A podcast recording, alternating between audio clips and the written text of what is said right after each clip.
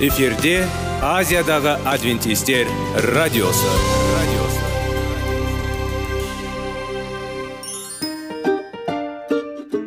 Сәлем достар. Денсаулық өмір бұлағы және біздің бірінші байлығымыз демекші денсаулық сағаты рубрикасына қош келдіңіздер.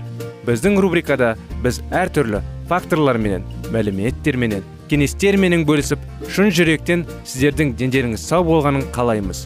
Сол үшін біздің рубрикаға қош келдіңіздер. Дайындалып тұрыңыздар. Өйткені келесі минуттарда қызықты фактілерге ие боласыздар. Енді достар ең бірінші байлығымызды қолымызға алып алға кеттік.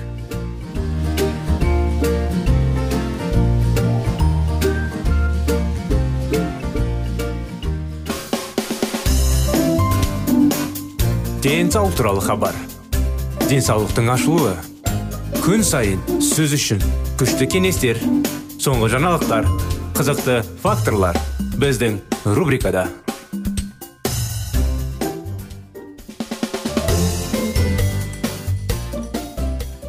сәлем достар армысыздар құрметті радио тыңдаушыларымыз. Сіздермен бірге сіздердің назарларыңызға денсаулық сағат бағдарламасы. Алға қарай кеттік. Сіздермен бірге біраз болды тақырыбымызды бастаған едік. Денсаулықты қалай сақтау керек? Құдай бізге таңдау еркіндігін берді. Оны пайдалану керек. Біз жүрек өзгертуге қабілетті емеспіз. Біз өз ойларымызды жеткілікті түрде бақылауға мүмкін емес.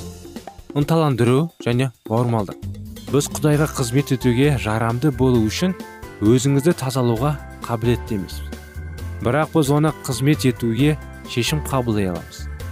Біз еміз өз еркімізді бағындыра аламыз. Өйткені ол сонда ғана өз көз алдымызда не болатынын жасай алады.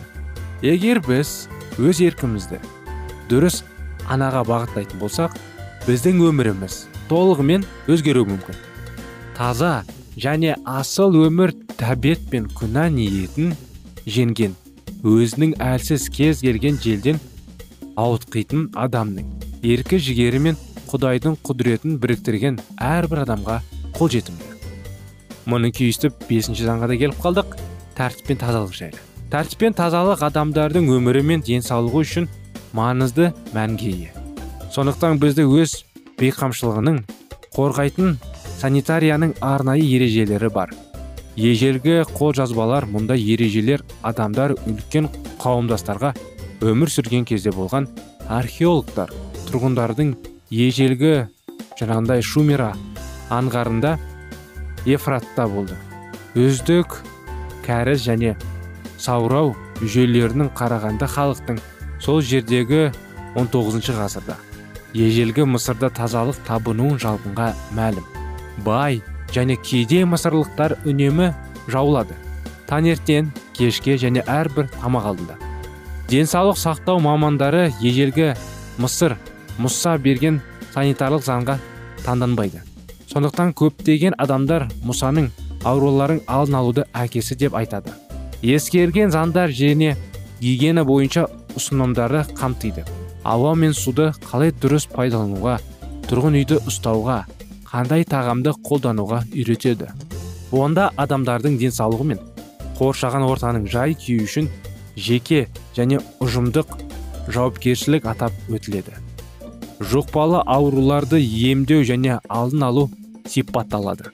Таза емес заттармен қалай жұмыс істеу керектігі азық түлікпен ауыз су қорын сақтау дезинфекция жүргізу қоқысты қайда апару және тіпті толқы мен тәртіпсіздікті болдырмау жолдарына туралы айтылады. Көптеген ғаламшыларды қазіргі ластану мәселелерін шешуге көмектесетін тартымды мұса келуін армандайды. Жер жаратушы бізге ақыл қонымды ақылды машиналар мен түрлі құралдарды жасау қабілетіне сондай ақ ұжымдық жұмыс істеу қабілетіне ие болды. Тек біз осы сыйлықтарды ақылға қонымды пайдалануды үйреніп оның бай ресурстарын тонаушылар емес біздің ғаламшыларымыздағы жақсы басқарушы бола білер едік. Заңның анықтамасы. Аспан заңы тәртіп пен тазалық бұл аспан заңы. Құдаймен үйлесімде өмір сүру үшін біз ұқыпты және ұқыпты болуымыз керек. Құдай тәртіпсіздікті ұнамайды. Тәртіп аспанның бірінші заңы. Жаратқан еміс адамдардың үйлерінде көктегі қасиеттердегідей тәртіп болуын қалайды. Шындық кір мен тәртіпсіздікпен ештеңе жоқ. Шындық адамдарды қайғылы қатыгез немесе ұқыпсыз етеді ма? Жоқ керісінше ақиқат оны қабылдаған кез келген адамды жоғары деңгейде көтереді. Құдай таза емес ол балшық тәртіпсіздік және ұқыпсыздық қайда үйге келуге шақыра ма заң және дененің физикалық жағдайы. Егер күн сәулесін ауа мен суды дұрыс пайдалануды үйренсек біз өз денсаулығымызды нығайтып көптеген ауруларды болдырмай аламыз. Күннің ультракүлгін сәулелеміне микроботтарды өлтіреді.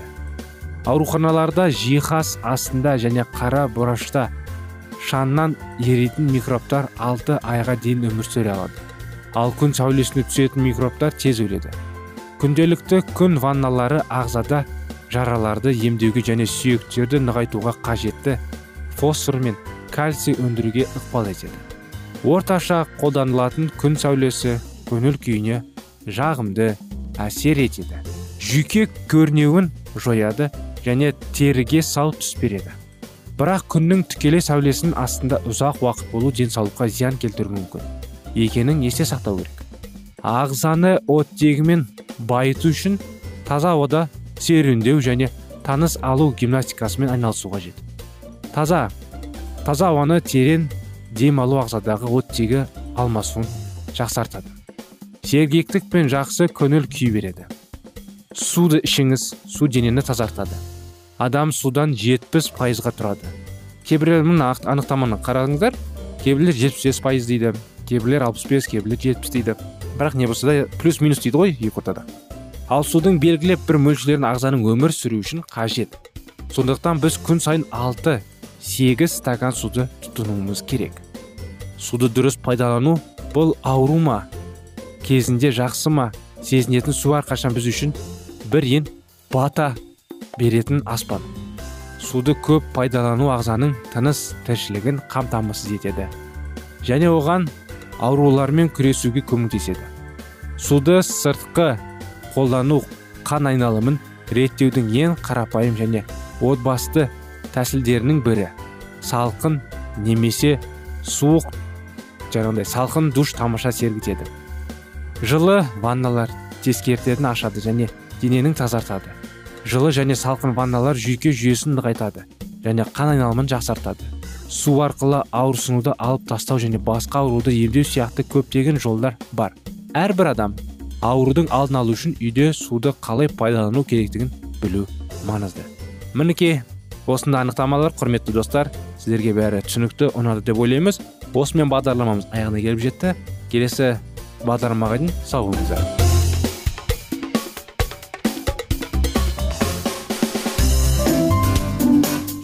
Денсаулық туралы хабар.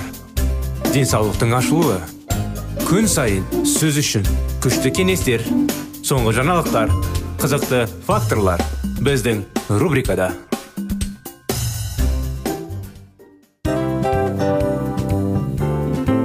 Әуелі байлық денсаулық екінші байлық он саулық үшінші байлық ақ жаулық. Ал енді осындай радио парақшадан кейін не дейміз? Барлықтарыңызға денсаулықтарыңыз зор болсын деп тілейміз. Денсаулықтың өзгеруі кішкентай нәрселерден басталады. Осымен біз берген кеңестер мен мәліметтер шын жүректен сіздер үшін қандай да бір болсын жәрдем берді деп үміттенеміз. Тыңдаушыларымызбен келесі радио парақшасына дейін қоштассамыз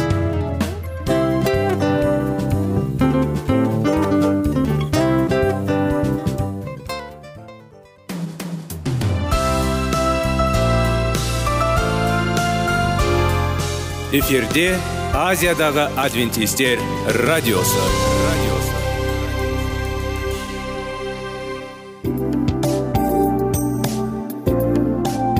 Сәлем достар. Барлықтарыңызға шын жүректен сөйлесек рубрикасына қош келдіңіздер деп айтпақшымыз. Шын жүректен сөйлесек бағдарламасы әртүрлі қызықты тақырыптарға арналған. Шындығында шын жүректен сөйлесек деген сөздің мағынасы екі достың екі адамның ортасындағы шын жүрекпен сөйлесуі бір біріне сенуі ашықтық пен шындықты білдіреді. Сол үшін біздің бағдарламалар әртүрлі қызықты тақырыптарға арналған. Дайындалыңыз жаңа қызықты мәліметтерге ие болуға. Ондай болса кеттік.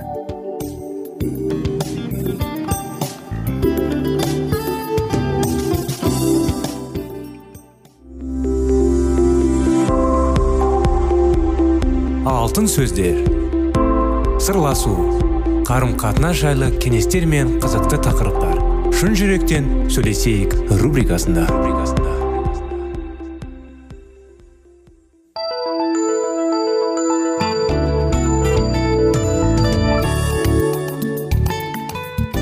Сәлеметсіздер ме? Армысыздар ассалаумағалейкум құрметті радио тыңдаушыларымыз біздің шын жүректен сөйлесейік бағдарламамызға қош келдіңіздер. Сіздердің назарларыңызға әрдайым махаббат сүю жанұя сияқты тақырыптарды зерттеп әңгімелейміз. Және де бала мен ата ананың қарым қатынасы жайлы баланы дұрыс тәрбиелеу жайлы сияқты тақырыптарды көтереміз әңгімелейміз. Қазіргі уақытта сіздердің назарларыңызға 25 керемет неке жайлы оқиғалар. Соның естеріңізде болса өткен жолы біз дуайту моуди моудилердің жаңағы отбасы жайлы анықтаманы жалғастырған едік.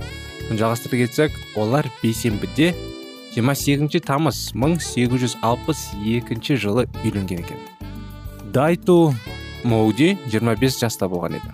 Оның анасы англияда туған және баптистік жаңағы шіркеуі тиесілі қызбен некеге мүлдем қарсы болған екен. Ол тіпті одан нашар екенін білмеді. Әрине оған келісім туралы қымбатты ана егер сіз оны жақсырақ білсеңіз эмманы жақсы көресің деп ойлаймын. Мен бұл солай болатынына сенімдімін. Ол мейірімді мәсіхші. Бірақ анасы англиядан шыққан жаңағы мәсіхшілердің оның араласуына нашар болғандықтан ол үйлену тойы туралы хабарлауға асықпады. Ол екі айдан кейін ғана жасады әрине. Әрі қарай бәрі ол ойланғандай болды. Эмма өзіне тән жаңағындай суықтау қалыптасқан жағдайға жауап берді. Ол қызылшаны былай деп жазды. Біздің жүрегіміз құдайға ашық болса біз қандай діндерде болсамыз жатсақ та тағы да бірнеше хаттар мен жеке кездесулер енесі бар эмма жақсы достар болды. Эмма қиын мәселені шеше алды. Жи ол не істеп жатқанын байқамады. Ол тәжірибелік және жақсы көретін тәртібі. Ол күйеуін үнемі мәжбүр етті. Оның ерекше көйлектерін лақтырып ол апта бойы жууға болмайды деп. Ол дарынды мұғалім деп санаса да көлеңкеде қалды. Моуди жексенбілік мектебінде оның тобы орта жылдардың шамамен қырық адамнан тұрды. Бірде моуди мектепті тексеретін маңызды келушіні алып жүрді. Және ол ерекше сыныпқа назар аударды. Ал бұл ханым бұл адамдарды үйрету үшін тым жас емес пе? деп сұрады келуші. Моуди мұғалім өз міндеттерін жақсы атқарады деп жауап берді. Оның әңгімелесуші келісті. Бірақ ол әлі де біртүрлі көрінеді. Ақыр соңында моуди мақтаншыз сэр бұл менің әйелім деді. Моуди қауымда мектепте 1860 жылы жылдардың ортасында шіркеу болды. Ол конгрегационалистермен байланысты болды бірақ тәуелсіз болды. Эмманың талабы бойынша ол шіркеудің жанында жаңағындай онда суға шомылдыру үшін шомылдыратын арнайы жерде шомылды ұйымдастырды. Моуди қол қойған жоқ. Сондықтан оның шіркеуінде қызмет етуді басқалары жүргізді. Дегенмен бұл оған үнемі уағыздарды оқуға кедергі келтірмеді. Сондықтан кімнің шіркеуі күмән жоқ. Ерте уағыздарында құдайдың қаһарына назар аударады. Эмма ол даусын көтергенде ол кейде күлді. Бірақ содан кейін дауиттың уағыздарының сипатты өзгерді және көп жағдайда эмма арқасында. Оған ағылшын уағызшысы герри мурхаус үлкен әсер етті. Мурхаус моуди шіркеуінде уағыздап дауд қайтып келгенде эммадан өз міндетін қалай атқарғанын сұрады. Ол ол сен сияқты емес уағыздайды дейді. Ол күнәқарды жақсы көретінін уағыздады. Моуди түсінбеді неге? Оны қандай мағынаға түсіндіріп отқанын түсінбеді. Бірақ ол мархауыздың уағызын тыңдады. Менің ойымша ол сені сендіреді ол былай дейді келі кітапқа негізделген. Моуди содан бері құдайдың махаббаты туралы көп сөйлесе ғана емес. Сонымен қатар келі кітапты әлде қайда мұқият зерттей бастады. Бұл бірден оның уағыздарына әсер етті. Эмма қызметіне де жауапты болды. Британдық аралдарда бір күні қыс әсіресе қатал және эмма демікпе шабуылына байланысты әдеттегіден әлде қайда нашар сезінген кезде дәрігерлер чикагодан кетуге кеңес берді. Ол небәрі 24 жаста болды. Дуайт өзінің үлкен әпкесі тұрған англияға барғысы келді. Эмма өте нәзік адам болды және астмадан басқа бас аурулардың зардап шекті. Ол сондай ақ ауыр жүрек болды. Моуди керісінше өте күшті денсаулығына ие болды және танымсыз көрінді. Оның ренгенті айра сенки дұға құдай моуди шаршап немесе бізге аса адамдық күштерді бер. Моуди әйелі англияға баруға қуанышты болды. Оған жағдайды өзгерту қажет болды. Сонымен қатар ол сырттай таңданған үш адаммен кездесуге ұмтылды. Ол скиния жағында шіркеуінің уағызшысы чарльз сперджен және бристер балалар бапасымен айналысатын джордж мюллер болды. Англияға саяхат эмма денсаулығы үшін пайдалы болды ма деп айту қиын. Бірақ ол дуайттың уағыздауы жұмысы үшін жаңа континенттің ашылуында маңызды рөл атқарды. Уақыт өте келе дуайт иенің оған қандай әйелін бергенін түсіне бастады. Оның уағыздарының бірінде моуди былай деді. Менің әйелім менің некенің алғашқы жылында оны қаншалықты жақсы көретінін және сол кезде қалай бақытты болды. Ол сондай ақ былай деді. Мен еш қашан екі нәрсеге таңданбаймын. Құдай менің барлық кемшіліктеріме қарамастан мені пайдалануға шешім қабылдады. Және мен барлық әйел махаббатын жеңіп алды. Мүлдем басқа мінез құлық және шығу тегі бар мінекей осындай анықтамамен құрметті достар бүгінгі бағдарламамызды аяғына әкеліп тоқтатамыз. Сіздерді келесі бағдарламаға шақырып келесі жолға дейін сау болыңыздар дейміз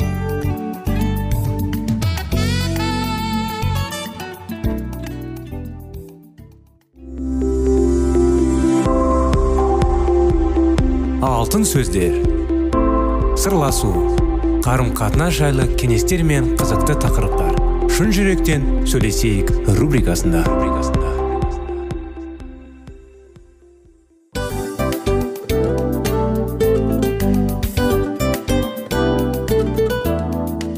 Құрметті достар барлық ең соңғы кеңестер аяқталған соң біздің программамыз соңына келіп қалды. Осы біздің мәліметтер осы рубрикада айтылған әрбір сөздер сіздерге өзінің қандай да бір пайдасын алып келді деп шын жүректен сенеміз. Және бұдан да көптеген рубрикаларымыз бар. Басқа рубрикаларымызда біздің зерттеулерімізде сіздер үшін тағы да қызықты мәліметтер дайын. Біздің шын жүректен сөйлесейік парақшамызда көптеген әдістер ең соңғы кеңестер адамның нравственность жақтан моральдық жақтан тазалап байыта тұрған соңғы кеңестердің барлығын жанарады. сондықтан алдыңғы күндерде бізбен бірге болыңыздар. Өйткені барлық қызықтар алдыда. Бізбенен бірге болғандарыңызға үлкен рахмет. Келесі кездескенімізше сау сәлемет болыңыздар.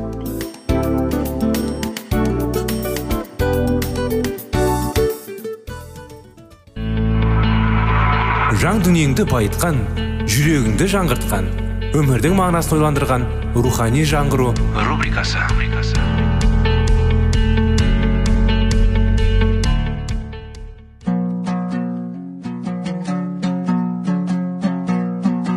Ассалаумағалейкум біздің тыңдаушыларымыз. Келі кітаптың шындығын ашып берген қысқа бағдарламасына қош келдіңіздер. Барлығынан жоғары жаратушы біздің қарыңғылықта жалғыз қалдырып қойған емес. Өйткені ол келешекте не болу керек екенін кітаптың парақтарында ашып береді. Немесе келіңіздер бізге қосылыңыздар. Жаратушы бізге нен ашып бергенін зерттейміз. 14 төртінші тарау. Британия аралдарында ізгі хабардың қанат жою германияда лютер киелі кітапты өз тілдерінде халыққа таратып жатқан кезінде. Англияда дәл осы жұмыспен құдайдың бастауы бойынша тиндаль айналысып жатқан еді. Уиклифтің киелі кітабы латын тілінен аударылған болатын және онда көптеген қателіктер бар болды. Ол басылымнан ешқашан өтпеген еді. Ал қолдан жазылған кітаптың бағасы да өте қымбат болды. Оны алып оқуға тек бойлардың ғана мүмкіндігі жеткен.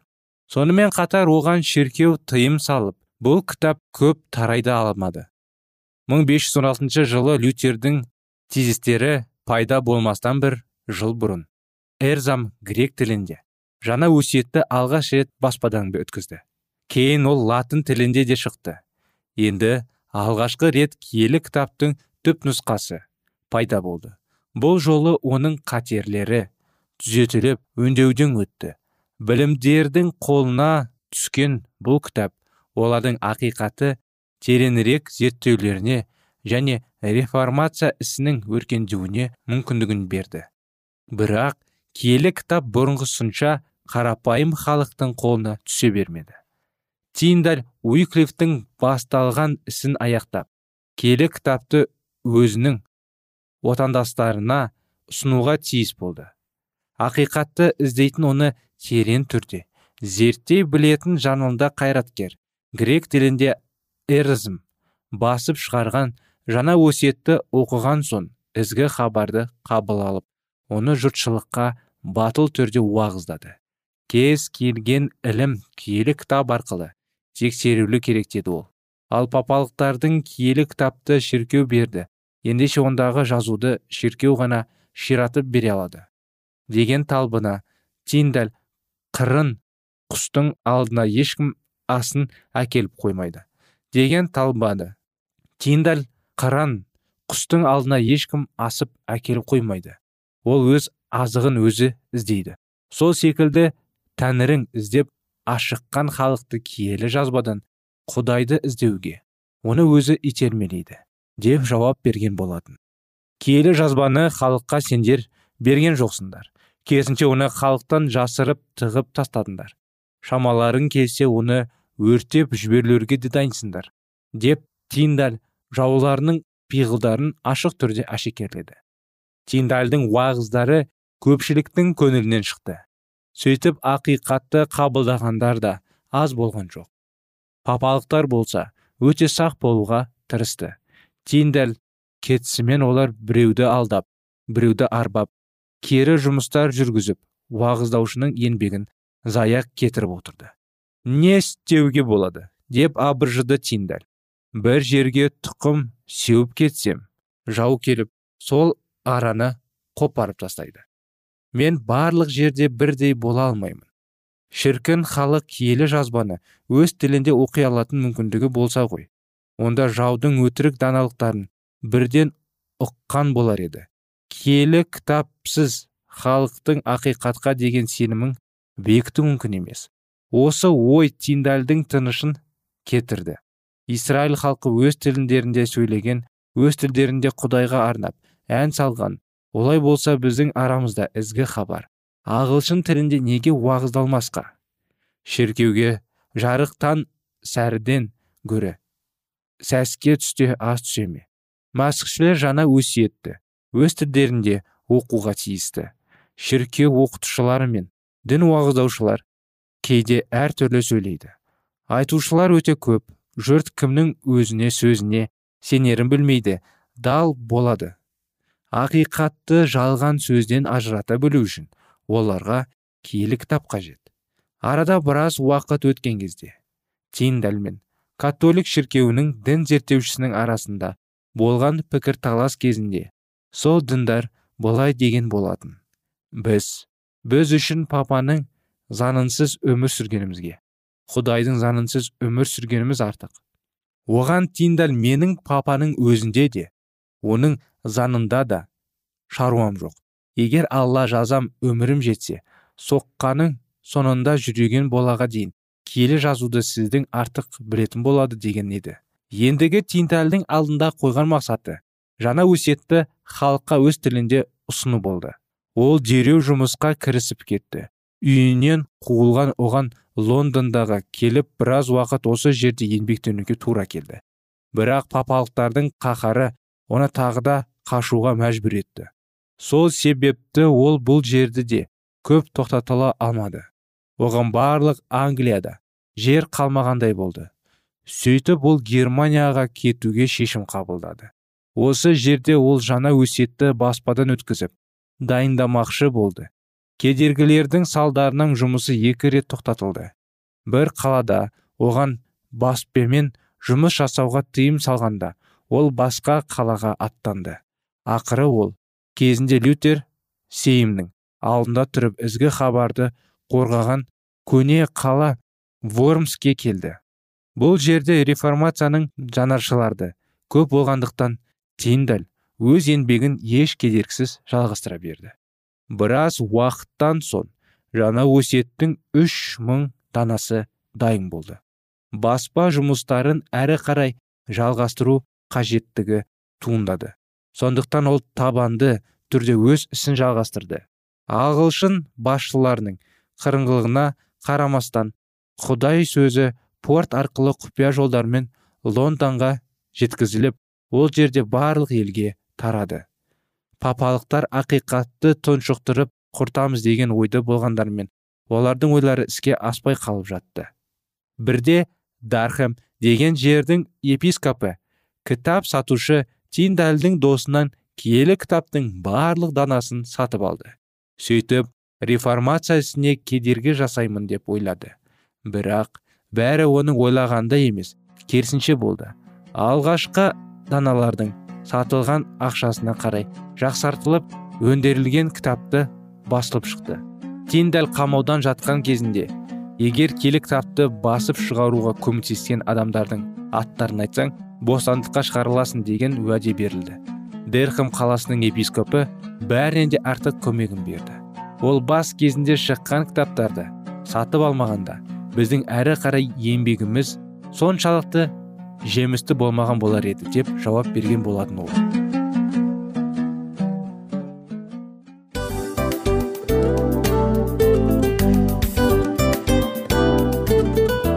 Мынау осы уақыт тез өтіп кетеді екен. Біздің бүгінгі рубрикалардың аяғына да келіп жеттік. Ақпаратымызды парақшамызды қазір ғана бастаған сияқты едік. Соңында да келіп қалдық. Уақыт деген тегі білінбей өтіп кетеді екен. Бүгінгі 24 сағаттың алтындай жарты сағатын бізге бөліп арнаған үшін рахмет. Егерде өткен сфераларда пайдалы кеңес алған болсаңыз біз өзіміздің мақсатқа жеткеніміз. Кеңестерді қолданам десеңіз өзгерістерді кішкентай қадамдардан бастап іске асыра беріңіздер де жасағандарыңыз үлкен үлкен жетістіктерге жете берсін. Шын жүректен әрбір берілген кеңестер сөздер сіздерге пайдасын әкеледі деп сенеміз. Сіздермен бірге кездесулерімізді сөзсіз түрде асыға күтеміз. Сәтті күн тілеп сіздер менің ұзаққа қоштаспай келесі кездескенімізше тек қана сау саламатты болыңыздар дейміз. Достар біздің бағдарлама бойынша сұрақтарыңыз болса әрине сіздерге керекті анықтама керек болса біздің whatsapp нөмірімізге хабарлассаңыздар болады. Плюс бір үш жүз бір жеті жүз алпыс алпыс жетпіс. Иә достар сіздер қателеспедіңіздер бұл біздің номерлерге ұқсас болмаса да бұл whatsapp номер арнайы. Хабарласыңыздар сұрақтарыңызды қойып тұрыңыздар. Анықтаманы алып тұрыңыздар. Плюс бір үш жүз бір жеті жүз алпыс алпыс жетпіс whatsapp номері.